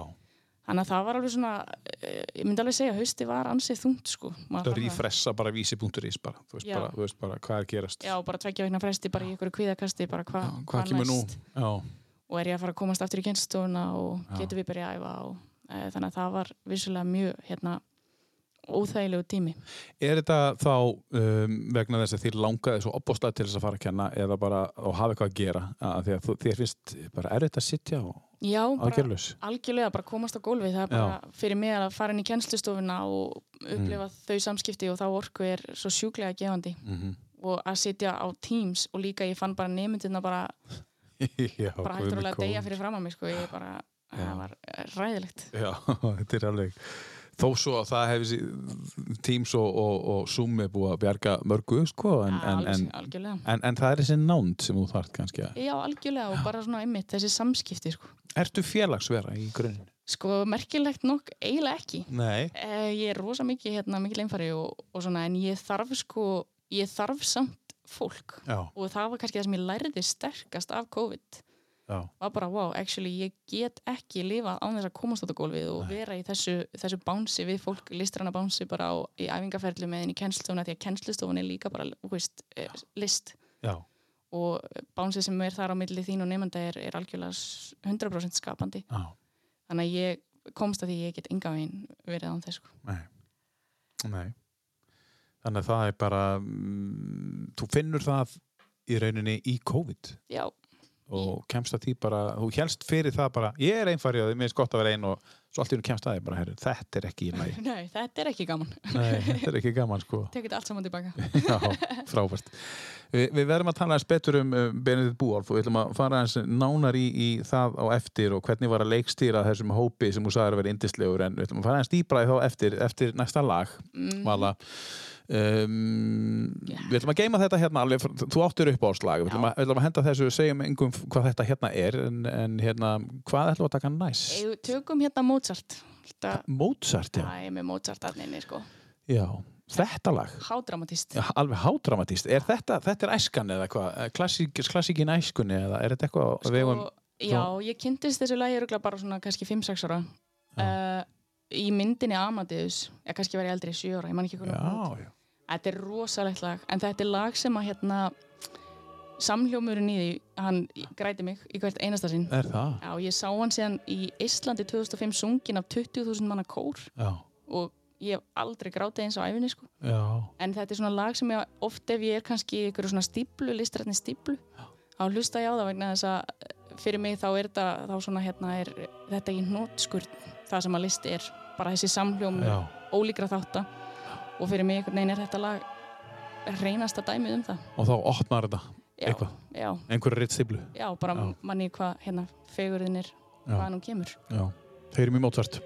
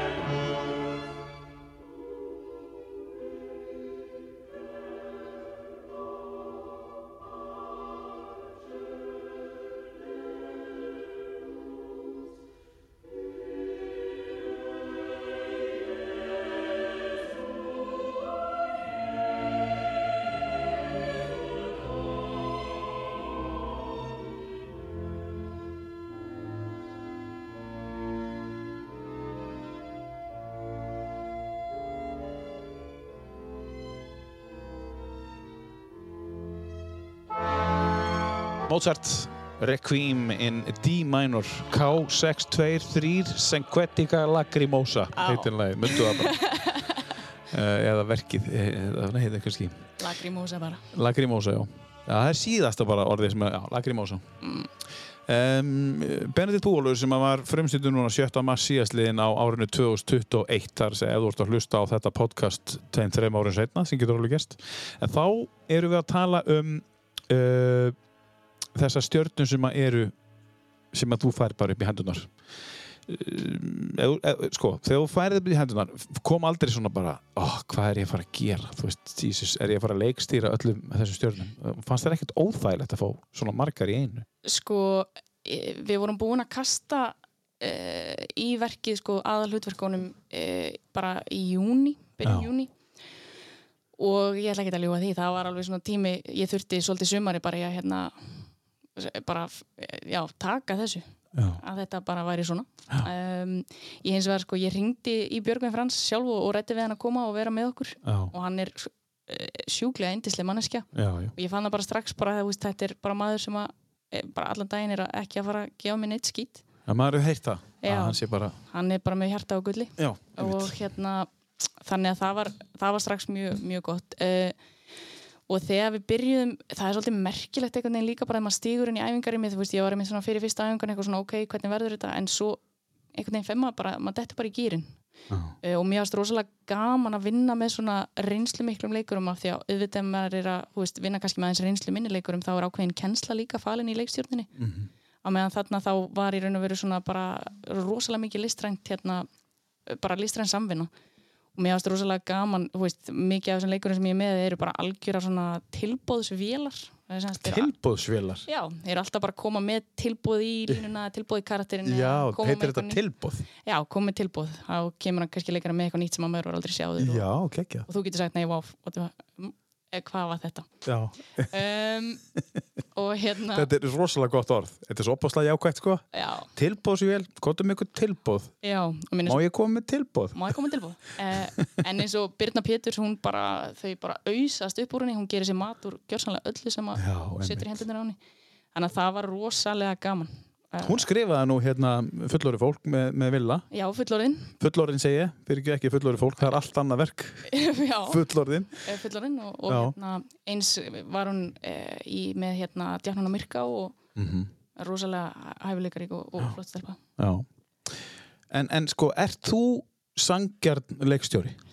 sko, já, ég vil allavega trúa því En ertu harður leikstjóri? Um, ég hérna reyni svona, neða, nei, ég held ekki. Ég Nei. hérna, rosa mikið vinn bara með það hérna, maður, þú stoppar aldrei flæðið, uh, leiði Nei. flæðin að gerast, en hins vegar er mjög mikilvægt að vera mjög skýr bara hver, hver stefnan er. Já. Og á meðan, í raun og veru hugsa ég þetta þannig að þú ert kannski með svona ákveðin ramma, þú veist, þetta er stefnan sem ég ætla að fara og allt sem að er innan þessa ramma er velkomið á, á æfingagólfið eh, og til að skoða og vinna með og síðan er það bara mitt í raun og vera að velja úr Já. því sem kemur og það var svolítið þannig í Benedikt það var bara endalust af tilbúðum og efni og Já. sem að var svo stórkostlegt að upplifa hérna, og síðan er maður bara svona að greiða úr og finna út úr bara rauðu línuna hvernig allt passa saman Um, sá sem skrifar Benedikt Múalf, mm um, þar, hvað heitir hann þetta? Ólafur Ó, Gunnar Ólafur Gunnar, já. Hann þarf öll þessi tilbúð, þarf hann að samþykja þessi tilbúð. Mm, Nei, Þa, það er í höndunum á þér. já, það er í hundunum á mér Eh, Já. höfundur á eh, þetta verkið og ef ég vil skera úr og ýmislegt annað þá Já. hérna, eh, kemur það honum við Já. en ö, öll svona allt kjöti sem að fer utan á Já. handriti það er Já. í mínum höndum Settur þið mikið kjöt utan á gamla, gamlu sýninguna fyrir hvað, 20 ára síðan? ég, sko, við náttúrulega eh, fengum hérna með eh, samþyggi Ólafs eh, Já. fengum Karl Ágúst til þess að gera nýja leikgerð að handritinu Já. uh, Þannig að Karl Ágúst kemur líka að þessu. já, Kalli var hérna okkar samstarf var meira og minna átti sér stað síðasta sumar þá vorum við að vinna Já. semst, þessa nýju leikgerð Já. Eh, og mjög skemmtilegt, hann er náttúrulega um, svo sjúklega reynsli í handritaskrifum að Já. það var mjög gaman um, og hann hérna já, það var bætt við líka þremur lögum, Þorvaldur Sandi þrjún í lögin í, inn í verki Já, ok. þannig að þetta er svona hérna þetta er svona nett update Já, ég ætla að segja, þetta er svona 20 ára setna aðeins. Já. Og út, út, útsetningan á lögun líka. já, uh, Já. Þorvaldur endur útsetti öll lögin og, og Sinfonía Nord tók þau upp Já. þannig að tónlistin er mm, miklu stærri, hún er alveg svona Já. virkilega episk og flott, Hvernig er að vinna með Kalla? bara indislegt Já. um, rosalega hérna mjúkur og, og góðu maður, Er hann svona að fyndin eins og hann, eh, þú veist, skemmtilegur eins og hann var með spaukstofun alltaf? ekki spurning Já, hann er bara svona skemmtilegur. Já, og Já. einhvern veginn bara svo, hann er svo til. Hann er svo til í allt. Ég ringdi mitt í hann bara, það var tíu dagar í frumsynningu og sagði, heyrðu, mér vantar nýtt atrið inn í, inn í handritið. Eh, Og hann sagði, já, ekki mál, svo daginn eftir kom það bara. Já, hann er svona rosalega hérna, frjór Já, og, bara, og skemmtilegt aðtri. já, mjög gott. Bara ég sagði hann komið vantaði og hann sagði, já, ég skil kominar. Já, það er svoleiðis. Bombaði því bara til mín. Já, já, það kalla maður reynsla í handritsgerð. Já, einnig. Herru, það er frábært. Um, en, en Benedikt, eh, þið ætlaði að sína það, hversu lengi ætlaði að sína, uh, er ekki uppselt á fleiri, fleiri síningar hjá okkur núna? Það er alltaf fyllast, jú. Já. Eh, ég, það er allavega sko búið að plana sýningar fram í byrjun mæ. Já. Svo bara verðum við að sjá hvernig, hvað gerist í framhald af því. Mögulega áframvald næsta haust eða? Hver veit, Já, ok, það er, erfitt að segja. ef, þú- ef, ef þið skilið bara mæ, tróðfullu og, og það eru bara COVID hættir, allir konum með sprautu og þá vil fólk hvað sunnan fara að koma. Já, ekki spurning og svo sem páskasýningarnar eru að fyllast bara og Já. það er rosa mikið held í fólk að sunnan að Já. koma í skýraferðir eða Er þið með marga síningar um páskana? já, alveg tölvert, ég hef ekki tölu á því Er það að vinna alla páskana? ég, Nei, Nei. ég, ég er búin að skila þessu af mér En, en, en, en þú sem leikstjóri, mætir þú þá bara til þess að tjekka og, og, og, og, og koma með einhverja... Já, ef ég kæri mig um sko ég hérna, setti mér það sem svona markmið að vera ekki leikstýra lögga Nei, kalla. já, einmitt. uh, en auðvitað kíkir maður kannski svona kannski að tvekja veikna fresti Já. bara svona að sjá Já. um, og ég Leifi leikurinn bara að eiga þetta svolítið. Já, það Já. Er, fyrir mig þá er í raun og veru áfremsýningu gef ég leikur honum sýninguna Já. og bara þakka þeim fyrir samstarfið Já. um, en síðan bara svona ef að það, og ég er ekkert að potast í þeim nema það sé bara eitthvað virkilega alvarlega að fara út á spórinu Já. og það er líka eitthvað sem að þeir kunna alveg að meta Er þetta eitthvað sem þú lærir í leikstjórninni eða er þetta bara svona mis, mis, misjant milli leikstjóra? Hvernig þið tak- eru sumir sem er bara leikstjóralögur að verða alltaf? Já, algjörlega og það er bara og þú veist, ég myndi ekkert segja að eitthvað annars er betur en hitt Nei, fyrir mig hefur þetta virkað ágætlega já, um, að því að ég fann það, það sem ég læri í leikstjórnanáminu var bara hvernig uh, sko, uh, að því að ég læsti leikurunum mínum svolítið já, þegar maður er, ef maður ætlar bara að taka hlutina og vera algjör einræðis herra þá læsist allt drastlið og þú verður sko einhvern veginn einn, það er ekkert báns frýs einhvern veginn allt, þannig að það er minnst rosalega mikilvægt að, að- að leifa öllum að vera leifandi og með mér í í öllu ferlinu og síðan einmitt eftir frumsýningu þá þetta, það eru þau sem ha- halda þessari sýningu uppi og þau sem þurfa að fara á svið hver einstu helgi þannig að En hvernig líður þér þegar þú finnur að þú ert orðin einræðis herra? Hvernig líður þér bara? sú, Herri? sú tilfinning er bara mjög óþægileg sko. Já, er það ekki? Já, hún er ekki þægileg og, og er líka, þetta verður sko, leikstjórn er fyrir mjög einmanalegt starf Já, þú ert bara skipstjórn og það er bara þannig já, en já, það- hún sagði mitt hérna hún Jæl Farber, ég fór á masterclass hjá henni hjá Þjóðlíkusinu og hún sagði að þetta er svona benevolent uh, dictatorship já. sem að mér finnst mjög góð lýsing á, á starfinu en um leiðum maður er orðin innræðisara þá, ertu, þá er einmannleikin algjör já. uh, sem að er Þá situr þau bara út í sal og, og bara þetta skrifa eitthvað hjá þér og fer bara og, og... já og þá líka bara þarf að taka allar ákvarðanir að því um Já. leið og allir læsist Já, einmitt. þá þarf þú bara að- að leikstýra hver einustu setningu og Mhm. hver einasta skrefi til vinstri og þú veist, einhvern veginn Og það er engin tilbúð. nei, engi tilbúð, ekkert að frétta þannig að mér finnst það, já, mér, já, ég er ekki til í það Nei. Þú ert búin, ertu búin að gera mistökin eða þú ætlar ekki að fara ángað? Eh, Ég gerði þau bara í náminu mínu. Já, Já, algjörlega. Ég hérna Já. tók svona mitt bara nokkuð, eða, það var eitt verkefni sérstaklega sem að ég einhvern veginn bara svona ætlaði svo sannlega að sína hvað ég geti og einhvern veginn fannst leikararnir bara enga veginn vera að vinna með mér og já, svo einmitt sagði kennarar mér bara við mig bara, heyrðu, hérna, eh, hvað ertu búin að gera? já, Bara hvað akkur í samstarfið eins og þeir já, og sem var bara skellur já, og mjög gott að fara í gennum þann skell og hugsa maður bara, ok, já. hvernig hérna, hvernig ætla ég að hafa þetta og einmitt lærið bara að það skiptir mestum máli að vera manneskja fyrst, já. nummer 1, 2, 3. Og lærið það hann að bara þetta ætla ég ekki að gera. Já, Af því að tilfinningin er ekki góð. nei. Við skulum sækja einhverja góða tilfinningu í næsta lægi. Um, hvað er að hendi? í? Hendum Vala. þá í uh, hérna Henry Green, vinn okkar. Já, já, já. Þetta er bara lag sem þið finnst flott. Já, þetta er bara lag sem er svona kannski síðastlega árið er búið að vera svona mitt hérna svona róli heita lag. Þetta er mjög gerðan það fyrsta sem ég lusta á mótana. Já, þú, þú setur bara í þetta, bara, hendur bara í þetta á mótana en þann dag í dag og bara, Já. þetta er lagið þitt. Já, svolítið lagi mitt á mótana. Eins og maður segir svolítið svona go-to lag. Já, Já, held það. eins og unglíkandi segja. Já. Hlustum á Henry Green.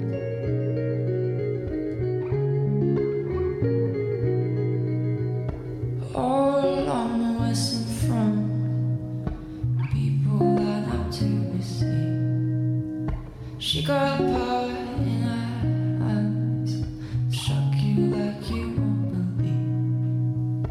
Saw it in the Amazon, roses running through her skin.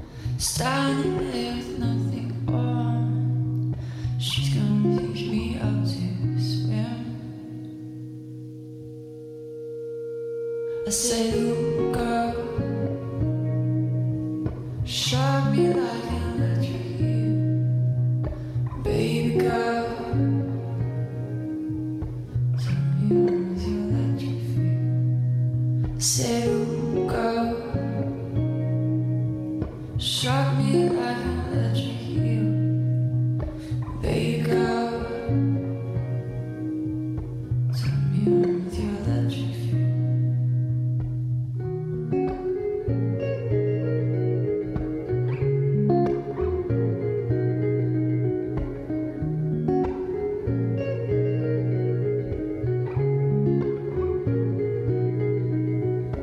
all along the eastern shore. Put your sockets in the sea. Hlustar á þetta lagi morgun?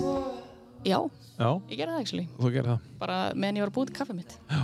Hvernig kaffið færið þér? Uh, bara alltaf espresso. Nú, Svartan en svart, sterkan en stert. er það? Já, Já, þú vildi fá svartinn að hann. já, ég er búin að drekka kaffi síðan ég var nýjóra og Nei, hei. já, ekki spurning. Er það eitthvað í gegnum einhver eldri sískinni? eða- Það var bara móðu mín, henni fannst bara, mjög, mamma er mikill kaffifíkil og henni fannst mjög fyndið að mér fannst kaffi bara ógeðslega gott hjá Graki og hún sagði bara, já, viltu bolla? Ég sagði, já, takk. Ekki svart þá. Nei, ég ætla að hafa ekki, jú, það var mjólkið í því þá. Já, ekki. Já, Svo hefur það bara orðið svona svartara og svartara. Já, svartar, svartar, já. Með og þú hárunum. vilt bara fá alveg byggsast núna. Já, helst bara að þurfa að tyggja það sko. Já. Bjartur í sumarhús. og hvernig gerur þú kaffi? Eh, Ég nota svona hérna mokkavill. Já, á hellunni. Já. Já, já. Já, já, það er frábært. Fjölskylduhægir, um, á- áttu, e, þú veist, ég veit að þið er ekki batn saman, þið eru búin að kynnast það eh, það Nýlega. st- nýlega, en átt þú batn eða hún? Nei, hvora Nei. okkar á barn. Já, ok. Já, barnirnir er eitthvað sem að hérna eru algjörlega á lista en, en ég hérna, það var svolítið fyndið þegar ég bjó í London að því að þar bara er fólk ekki að eiga börn Eh, og einmitt vini mínu byrjuði margir að eiga börn bara mjög snemma hérna heima á Íslandi og eiga margir 2-3 börn svo kom ég heim einhvern veginn um 30 og var actually spurðaði bara já þú semst ætlar ekki að eiga börn í lífinu Um þrítugt, að þú varst ekki mann eitthvað Já, spann. ég bara, hm, ha, Var það íslen, íslenski vinniðinni sem að spurði? eða- þetta var, já, íslensk manneskja Eh. Íslensk manneski, já. Það var svona aðeins eldri um, Já, fannst ég nú eitthvað lengi að þessu já. um, og svona maður er oft myndur á það að maður hafi nú ekki endalista tíma þetta er mjög áhugavert að því að ég er bara, fyrir mig liggur ekkit á ég er svona hérna er einhvern veginn voru rólið í tíðinu með þetta og, Já. en lungu búin að lofa mig því að þetta er eitthvað sem ég ætla ekki að missa af í lífinu sko. Nei, nei. reynd ekki og svo held ég að sé bara algjörlega val hvers og eins þú veist, sumir segja að mér langar ekki að vera gamalt fóreldri ég vil bara gera þetta snemma og vera búin snemma Já. og fyrir mig einhvern veginn þá langaði mig bara að hérna, þú veist, gera allt sem ég langaði að gera og Já, já. svo kemur tíminn Þetta er svona mismunandi hvað fólki finnst. Ég, ég meina, það eru sumir sem segja bara, ó, ég laka svo til, eh, ég, þeir segja það, actually, ég laka svo til að börninu flutta heimann og þá getum við fyrir að gera eitthvað. Hvað ætlar að fara að gera? Þú veist, það er það sem ég spyr oft bara, hvað ætlar að fara að gera? Nú eru þið tvö eftir. Hvað ætlaði að gera? Já, ætlum að fara að ferðast, ekki vera að ferðast all, allt árið og þið ljóttu að koma börnunum í pössun bara eina eina helgi. Hva, hvað ætlaði að fara að gera? Já, ætlum bara að njóta þess að gera hvað? Nú er ég 47 ára Já, og ég á eina fjögur ára og einn tveggja ára einmitt og þetta heldur mig bara gangandi skilur og ég var líka í 21 árs Næs. já, þannig að þú veist en, en þú veist ég var einn- eina fjóra ára og einn tveggja ára og þannig að þér liggur ekkert á Nei, mér leikur ekki á. ha, þú Ég- ert í toppmálu, 33 ára gömul Já, það er nægur tími, það er nefnilega þannig. en þetta er svolítið í íslenskri menningu þetta að þú ert helst að vera búin að útskrefast eigna spötn og fjölskyldu og helst að vera búin að kaupa þér íbúð 25 ára Já, akkurat, hefur þú séð fullorinn? nei, ég nefnilega þyrst að sjá þetta verk Þarna er bara heilt lag um nákvæmlega þetta mál. já, Að þetta er einmitt svona, þú veist, það er einhver rosa pressa að hérna, einhvern veginn, þú veist, allir þessi svona, allir þessi bóks já, sem það er að tekja í og, og hérna, uh, og einmitt svona, og ég man algjörlega eftir því, sko, sem úlingur, þú veist, þegar ég var úlingur þá var ég með kærasta sem að ég ætlaði bara að giftast og ég ætlaði að búa í hefnafyrðinum og eiga börn og verða lögfræðingur og, og eitthvað, þú veist, eh, var með mjög svona skrýtnar hugmyndir um framtíðina.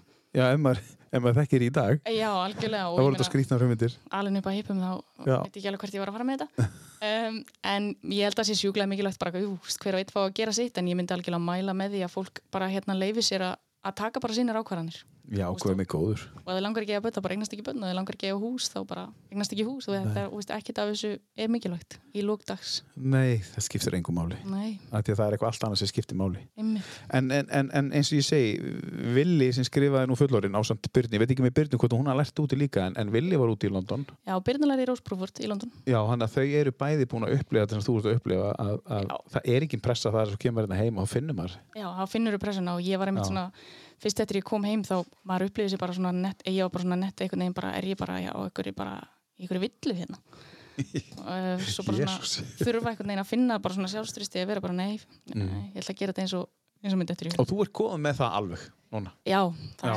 er loksins upp úr þrítugt þá Já, kom upp á þetta 30, já. góða sjálfstyrsti en maður þar stundum að hafa fyrir hlutunum og, og, og, og þetta með, með barneignir þær koma bara Það er koma Hvenær já, það það kemur. liggur ekkert á Nei, þannig að hérna, nú ertu búin að finna það maka þú ert ána með, hérna, já, hvað heitir hún áttur? hún er til Bambi Bambi, já, ert búin að, hún ert ána með hana Já, virkilega ánum með hana og þið eru bara sátt að vera hvora aðra og hún er að flytja norður Já. hvenær kemur hún? Heyrðu, vonandi núna bara upp úr páskunum Já, vonandi Já, það er bara nokkri lutar sem á eftir að staðfesta og Já, ok, flott og negla en, en ég held að þetta gangi alls saman sko. Það er bara frábært Spennandi hlutir framöndan, það er alveg þeir Herðu, við um tvö lög eftir eða er það þrjú? það er þrjú þannig að það er eh, sannleikurinn Já, það er þrjú Já, sannleikur einbytturinn, hvað er þetta? Númer hvað er það? það er átta Já, það er þessi, já Edward Sharp and the Magnetic Zero Þetta er magna Hvað, hvað, hvað heyrur þetta? Heyru, þetta lag heyri ég bara einmitt svona aftur bara einhvern veginn randomli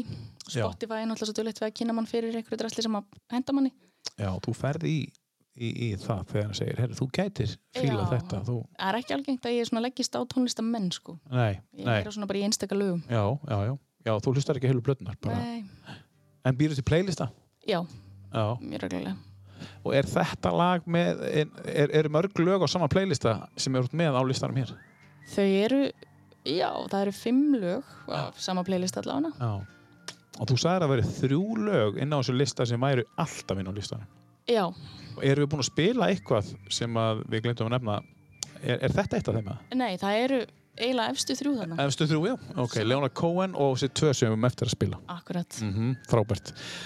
Heyrim þetta lag hér, Truth, uh, Sannleikur uh, með Edward Sharp and the Magnetic Zero af plötunni Live in No Particular Order 2009-2014. Þetta er aldrei líka.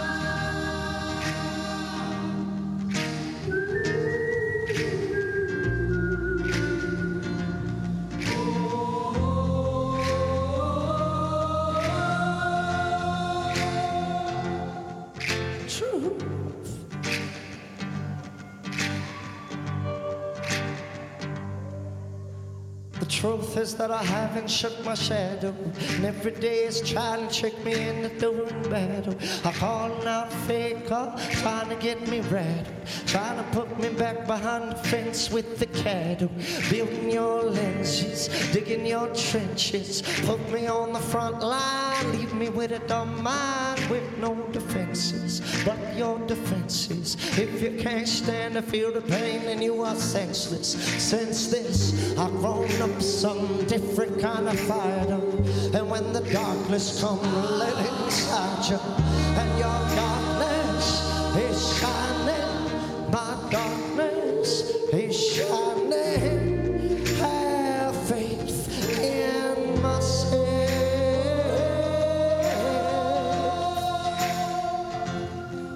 True.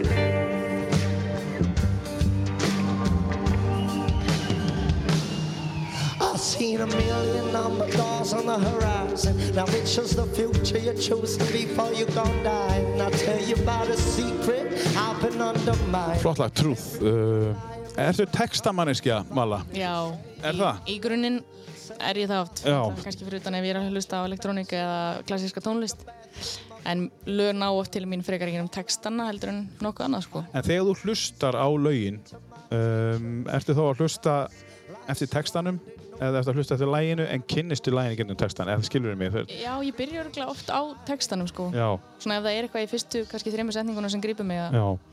þá hlusta ég og svo kemur lagið einhvern veginn ofan í það Þú sagðist þér að skrifa söngleik. Já, Um, hvernig tónlist er í þessum söngleik? Er, er það...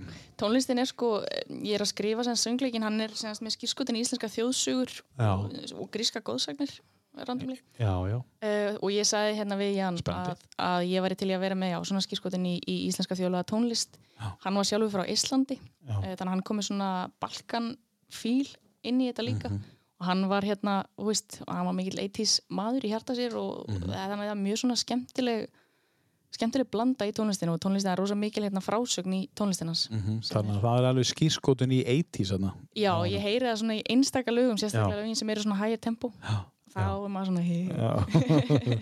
Eh, Fílar þú 80s? Algjörlega, Er það? já, algjörlega. Er, er, eitthvað- er, er, eitthvað, er eitthvað tímabil betra en annað? 70s, 60s, 70s, 80s, 90s? Eh, Þau eiga bara öll sín gull, Já, myndi ég segja. En Já. 80s er svona, ef, að- ef ég detti í, í góðaskapi, sko, detti í gýrin, já, þá ertu bara Þá að surfa kemur 80s. Best of 80s, einhver playlisti á Spotify. ekki spurning. Þegar þú heldur partí, Vala, hvað ertu þá að bjóða upp á? Ert þú með playlistan eða leifur fólki, ertu svolítið leggur upp úr tónlistinni? Já, sko, ég leifi, ég er náttúrulega á svo mikið af skapandi vinnum og Já, ég leifi þeim ofta að taka bara yfir. er það? DJ, sko, já, já, já, já, kemur villi mætir á staðinn og, og hérna, Hann klárar þetta bara. já, já, skellir drallin á fóninni eða sestu píanóið og, Já, einmitt. og hérna, Já. sér um það svolítið. Já, það er frábært. Um, já, þannig að þú ert að hlusta á 80s og þið finnst það aðeinslegt og, og það gæti verið skýrskotun uh, í eitthvað sem er að fara að gerast í þessum söngleik. Ég Skynja það að þú vilir ekki tala of mikið um að segja of mikið hvað er að fara að gerast en, en uh, að því að, það, Já, að því að þú segir þetta sé í svona vinnuferli en þá, þetta er ekki alveg árið fastnjörfað. Nei, og svona ímislegt innan ferðlinsinn sem að ég bara eiginlega get ekki talað um Nei, En, en, en tímasetning,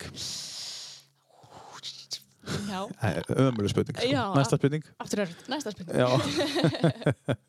En við hefum eitt lag eftir á, á, á hérna, nei, tölu eftir og, og þetta eru tvö af þínum uh, tvö lög sem eru inn á þessum lista alltaf. Já, Uh, ef við förum bara beint í, í hann hérna, uh, vin okkar, já, S- ertu búin að sjá myndina? eh, ekki, já heldur betur. Já, oft bara. Oft, oft. Kom þér eitthvað á óvart þegar þú kynntist honum í myndinni sem að er talin, sem er að hann, uh, Jamie Foxx leikur hann einstaklega vel, sko. Kom eitthvað á óvart með hennan, hennan karakter í myndinni? Hvort hann hefði verið ómikið dickhead eða hvort hann hefði verið... Já, þú veist, hvað- já, það var kannski svona einmitt það sem að Það Ah, kom mér á óvart. já, að maður svona, ok, wow, um, áhugavert. -hmm. um, og einmitt, þú veist, líka einmitt að því að kannski bara bara svona barnslega gerir maður ekki ráð fyrir, þú veist, að, að, að blindu maður Mm. geti sko líka orðið svona sjálfó. Einmitt. Það var kannski það sem Pínu að- sjálfó, sko. Já, sem að maður bara svona, ó, wow Já. sem að auðvitað er náttúrulega bara fáránlegt að geti ekki verið en, en það var svona, opnaði augumanns Einmitt. Við höfum talað um Ray Charles og myndina Ray. Um, það sem að hann... Það er pínu svona útlýtstýrkun hjá honum þrátt fyrir að þessi blindur. mm -hmm. Það er fáralegt, sko. Já, alveg Og magna ótrúlega skrítið, sko. Já, Þó svo hann sjá ekki neitt og hefur aldrei gert eða... bara því að frá því að hann var lítill strákur Já, fara á lítið sjákustrákur. Já. En þetta lag, uh, af hverju þetta lag? e, Það er bara eitthvað við útsetningun í þessu lægi sem að ah, er bara svo gullfallegt Mundur þú vilja nota þetta í söngleik einhvern tíman í framtíðinni?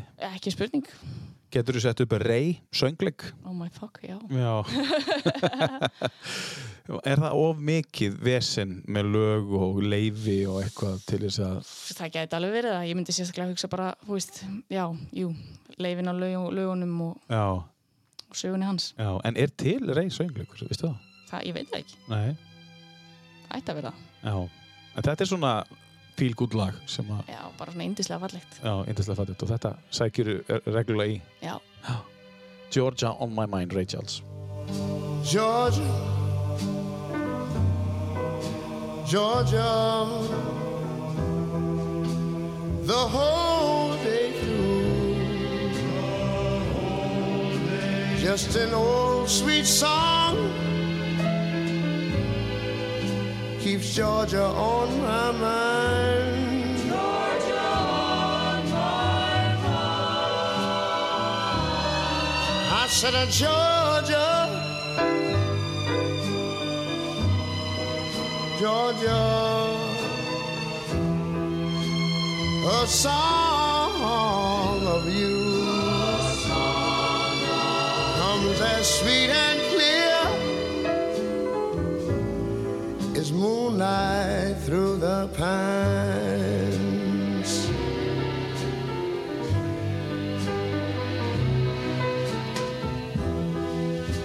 Other arms reach out to me. Other eyes smile tenderly.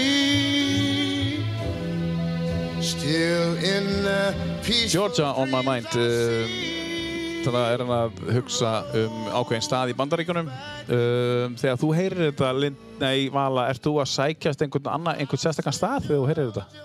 Eh, nei, Nei. Já, það var bara, þú veist, einmitt þegar ég var krakki eitthvað tímann þá heyrði ég þetta lag og, Já, og hérna og eit- sérstaklega fyrirlutnar sem koma þann ofan á eru bara eh, snerta einhvern veginn við mér það er mikil tilfinning og mikil tilfinning í svo leiði þetta er, þetta er, þetta er gríðalega flott og, og hérna, skora á því hlustandi góður að sjá myndina Ray uh, Ray Charles hún er, hún er frábær, Hún er þú er búin að sjá nokk sinnum alveg nokkur sinnum, já, bara síðan ég var úlingur Gæti þetta verið einn af þínum uppáhast tónlistamunum? já, ekki spurning, Já, mjög reglulega grípi í rey já, já og bara alla hans tónlist Já, frábært. Hörru, við ætlaði að spyrja þig þá bara svona hvað er framundan? Nú er svona aðeins, uh, já, við vorum að vona það að það væri að glæðast eitthvað. Og svo kemur þetta afbreyði hérna inn, í, inn á landið og við skulum vona að það verði ekki eitthvað stórt. Við sem ekki að fá fjórðu bylgjun yfir okkur en hvernig, hvernig eh, er stemmingin í þér fyrir árið og sumarið og haustið sem leikstjóri? Ég er bara náttúrulega rosalega spennt. Uh, Já. Benedikt Ból verið náttúrulega mín fyrsta atvinnuleiksinning á Íslandi Já, og svona mitt start að mörgu leiti. já, Þannig að hvað framtíðin hefur að bjóða verður bara rosalega spennandi að sjá. Ég er svolítið bara í hérna, já, svolítið í, á þeim stað núna þar sem að ég bara verða að sjá hvað gerist sko. Já. e, ég er náttúrulega áfram með brautina mín upp í Emma sem að er bara í stanslausri, stanslausri vinslu Já. e, og ég er að klára mastisnám við listaháskólan í, í kennslufræðum Já, já. þannig að þegar ég er með það og svo er ég að fara að kenna í sumar fyrir bandalagsskólan, leikstjórn Já. uh, og hver veit nema við gerum eitthvað hérna skemmtilegt í sumar skapandi og Já, já. hressandi en svo er haustið Já, þú verður að vinna í sumar. e, mögulega, Já, já, ok. það er aldrei að vita maður er svona, þú veist, það er svolítið í mínu starfi þá eh, er þetta alltaf bara svona þú veist aldrei nema kannski bara eitthvað svona x tíma fram í tíman og svo er maður bara á milli vonar og óta Maður vor- maður held einhvern veginn að, að, að, að leikursin bara skellti í lásan í maður bara pff, og var að fara um í haust. e, já, við náttúrulega hérna já, eh, svona e, höfum verið að reyna að nýta sumrin og, Já, já. og gera eitthvað skemmtilegt það er engin ástæða til að fara bara í frí Nei, það er rétt. Ekki nema kannski stundum Það er búið að vera nógu mikið frí núna. Já, þetta er síðast komið- ári. þetta er bara Það komið gott. gott. Búið að taka mörg frí síðast ári. En eh, svo kemur haustið. Já. Sem leikstjóri. já Hvað? Sko, haustin yfirleitt skýrast hjá manni svona kannski Já. í apríl. Já, já. Þá svona, þú veist, eh, já, Já, fyrir maður að vita hvað er að gerast eh, leikhúsin náttúrulega skipulegja leikárin sín núna. Það er Já. svona, það, það ferli er í gangi núna, þannig að já. maður svona, já, veit aldrei alveg með hausti fyrir en bara m- með vorinu, sko. Er einhver ástæða uh, til þess að ráða þið ekki næsta haust það sem þú ert með full, sí- fullar sýningar uh, með Benedikt Wolf núna fram á vori? er einhver, á- nú spyr ég nú bara, heitir hún ekki Þórun? Eh, hún, Marta, Jú, Marta, já, Marta og svo hún hjá MAK, uh, frangvandastjórin, uh, er einhver Þuríður. ástæða, þurriður, önnur en að ráða bara völu aftur? en ég held ekki, Þó sko. þess ekki komin í páskar? Njá, það held ég ekki, ég held að það væri bara mjög góð hugmynd að Ég, mér finnst það. mér finnst það ekki spurninga, hérna, og, og, en, en, en, en svo, svo veit maður ekkert hvað hva kemur uh, upp úr, upp úr uh, hattinum hvað við erum að fara að sína. að nákvæmlega það er líka alltaf það. Bara En það var talað um skuggasvein einhvern tíman. Já, skuggrið, Marta Nordal er að vera leikstýra því sjálf, það átti náttúrulega að gera þá sýningu á þessu leikári, Mhm. Já. en COVID lokaði svolítið hratt og fast á það, Já.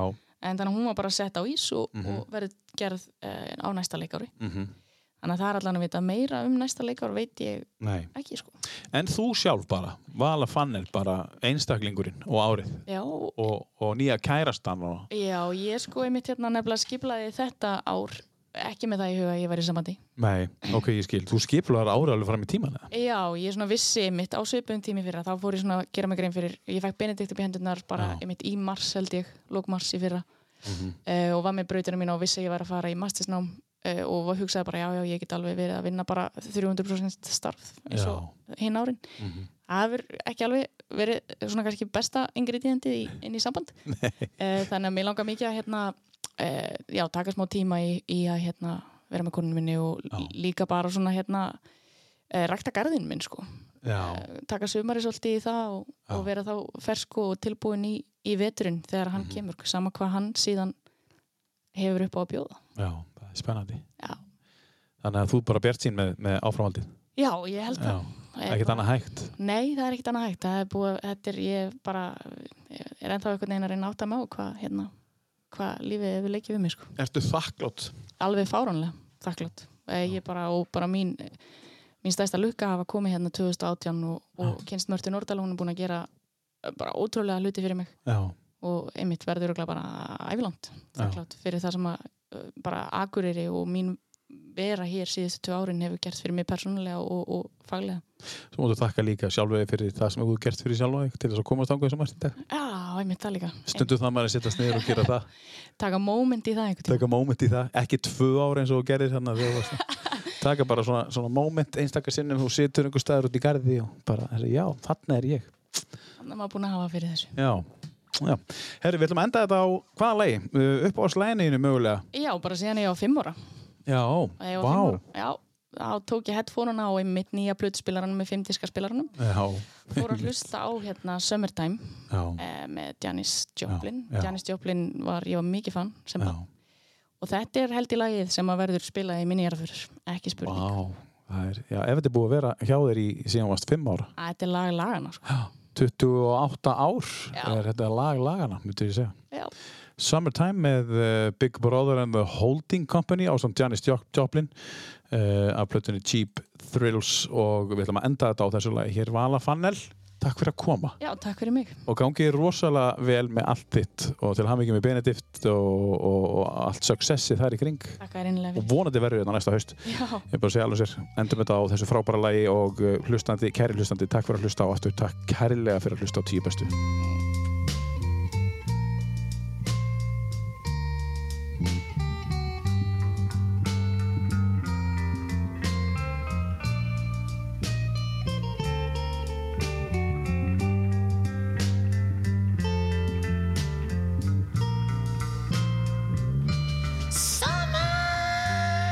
Summertime, time, time.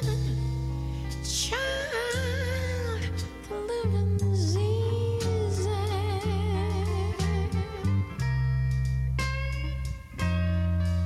Fish are jumping now. Hey, the cotton lawn, cotton's high. Lots of high. Your town is rich, and your mom's so good looking, babe. She's looking good now. Hush, baby, baby, baby, baby, baby.